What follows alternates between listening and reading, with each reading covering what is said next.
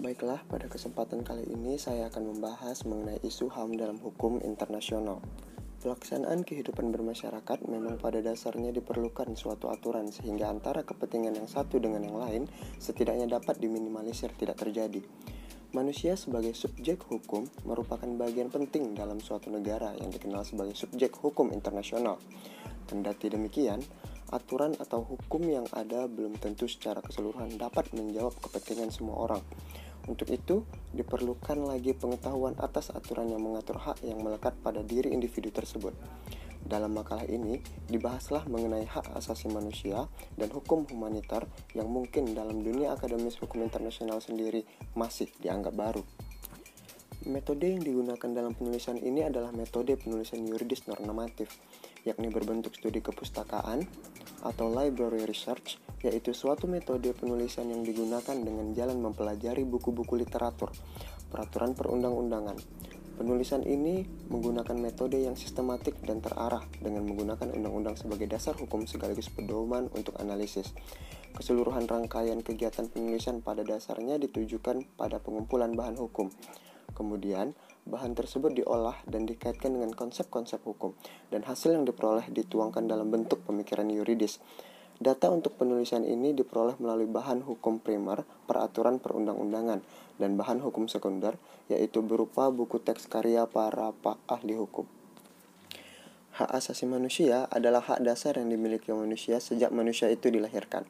Hak asasi dapat dirumuskan sebagai hak yang melekat dengan kodrat kita sebagai manusia, yang bila tidak ada hak tersebut, mustahil kita dapat hidup sebagai manusia.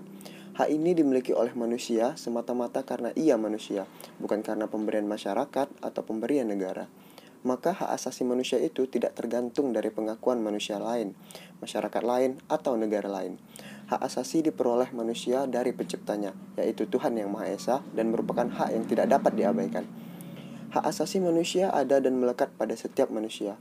Oleh karena itu, bersifat universal, artinya berlaku di mana saja dan untuk siapa saja dan tidak dapat diambil oleh siapa pun. Hak ini dibutuhkan manusia selain untuk melindungi diri dan martabat kemanusiaannya, juga digunakan sebagai landasan moral dalam bergaul atau berhubungan dengan sesama manusia pada setiap hak melekat kewajiban. Dalam konteks hak asasi manusia, hukum internasional mempunyai, mempunyai kualitas ganda sebab ia menciptakan penghalang bagi proteksi hak asasi yang efektif dan sekaligus juga menyediakan sarana untuk mengatasi rintangan-rintangan. Brownlee menggambarkan kedaulatan sebagai doktrin konstitusional yang pokok dari hukum negara. Pada hakikatnya, kedaulatan mewakili totalitas hak-hak negara dalam menjalankan hubungan luar negerinya dan menata urusan-urusan dalam negerinya ada dua badan khusus PBB yang juga menangani HAM, yaitu Organisasi Buruh Sedunia atau ILO, didirikan tahun 1946, bertugas untuk memperbaiki syarat-syarat bekerja dan hidup para buruh melalui penerimaan konvensi-konvensi internasional mengenai buruh dan membuat rekomendasi standar minimum di bidang gaji, jam kerja, syarat-syarat pekerjaan, dan jaminan sosial. Badan khusus kedua adalah UNESCO yang didirikan pada tahun 1945 untuk mencapai tujuan meningkatkan kerjasama antar bangsa melalui pendidikan, ilmu pengetahuan, dan kebudayaan dan untuk meningkatkan secara universal penghormatan terhadap peraturan hukum, hak-hak asasi, dan kebebasan-kebebasan pokok menurut sistem PBB dalam upaya pemajuan dan peningkatan HAM dikenal tiga bidang utama yakni yang pertama, upaya pembakuan standar internasional, yang kedua, kegiatan monitoring atau pemantauan pelaksanaan HAM. Yang ketiga, jasa nasihat dan kerjasama teknik.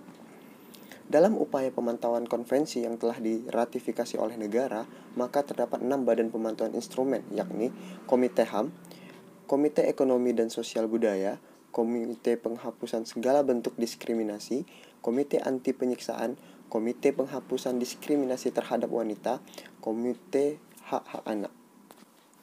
Majelis Umum PBB mencanangkan pernyataan umum tentang hak-hak asasi manusia atau Universal Declaration of Human Rights. Tanggal 10 Desember 1948.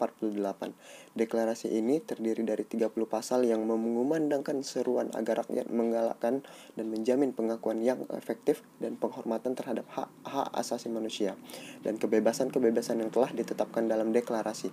Pasal 1 dan 2 menegaskan bahwa semua orang dilahirkan dengan martabat dan hak-hak yang sama dan berhak atas semua hak dan kebebasan sebagaimana yang ditetapkan oleh deklarasi tanpa membeda-bedakan baik dari segi ras, warna kulit, jenis kelamin, agama, pandangan politik, maupun yang lain. Asal-usul kebangsaan atau sosial, hak milik kelahiran atau kedudukan yang lain. Kesimpulan yang dapat diambil adalah ketimpangan pelaksanaan hukum dapat muncul dari pihak penegaknya sendiri, sehingga terkadang tidak sedikit pula masyarakat dunia mengabaikan hal yang cukup esensi dengan latar belakang kepentingan pihak manakah yang ingin dicapai. Padahal, perbuatan tersebut memiliki efek yang cukup besar dalam menjaga dunia dan menghormati hak subjek hukum lainnya. Keberadaan hukum internasional memang menjadi nyata saat terjadi beberapa kasus yang menimpa. Maka, benar bila ada pakar yang berpendapat bahwa terkadang sesuatu yang abstrak dapat terlihat bila terjadi usikan di dalamnya. Eksistensi hak asasi manusia dan hukum humaniter menjadi harapan bagi mereka yang teraniaya hak-haknya. Demikian pula dengan keberadaan hukum lingkungan yang secara nyata menjadi isu penting yang disoroti dunia terkait kelangsungan hidup baik generasi sekarang maupun yang akan datang.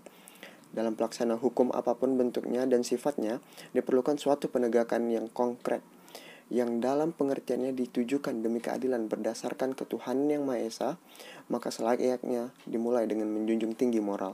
Dasar keberhasilan suatu hukum dimulai dari diri sendiri yang merasa butuh untuk menghormati hak yang dimiliki orang lain dan mengerti bahwa bagaimana kewajiban yang diembankan pada diri sendiri. Sehingga saat kita diberhadapkan dengan fakta untuk menjaga lingkungan tidak lagi saling melempar kesalahan, akan tetapi mulai bergerak dan meninggalkan ego masing-masing. Tentu dalam hal ini yang dimaksud negara baik, negara berkembang maupun negara maju untuk sama-sama memiliki visi yang ingin menjaga bumi demi generasi mendatang.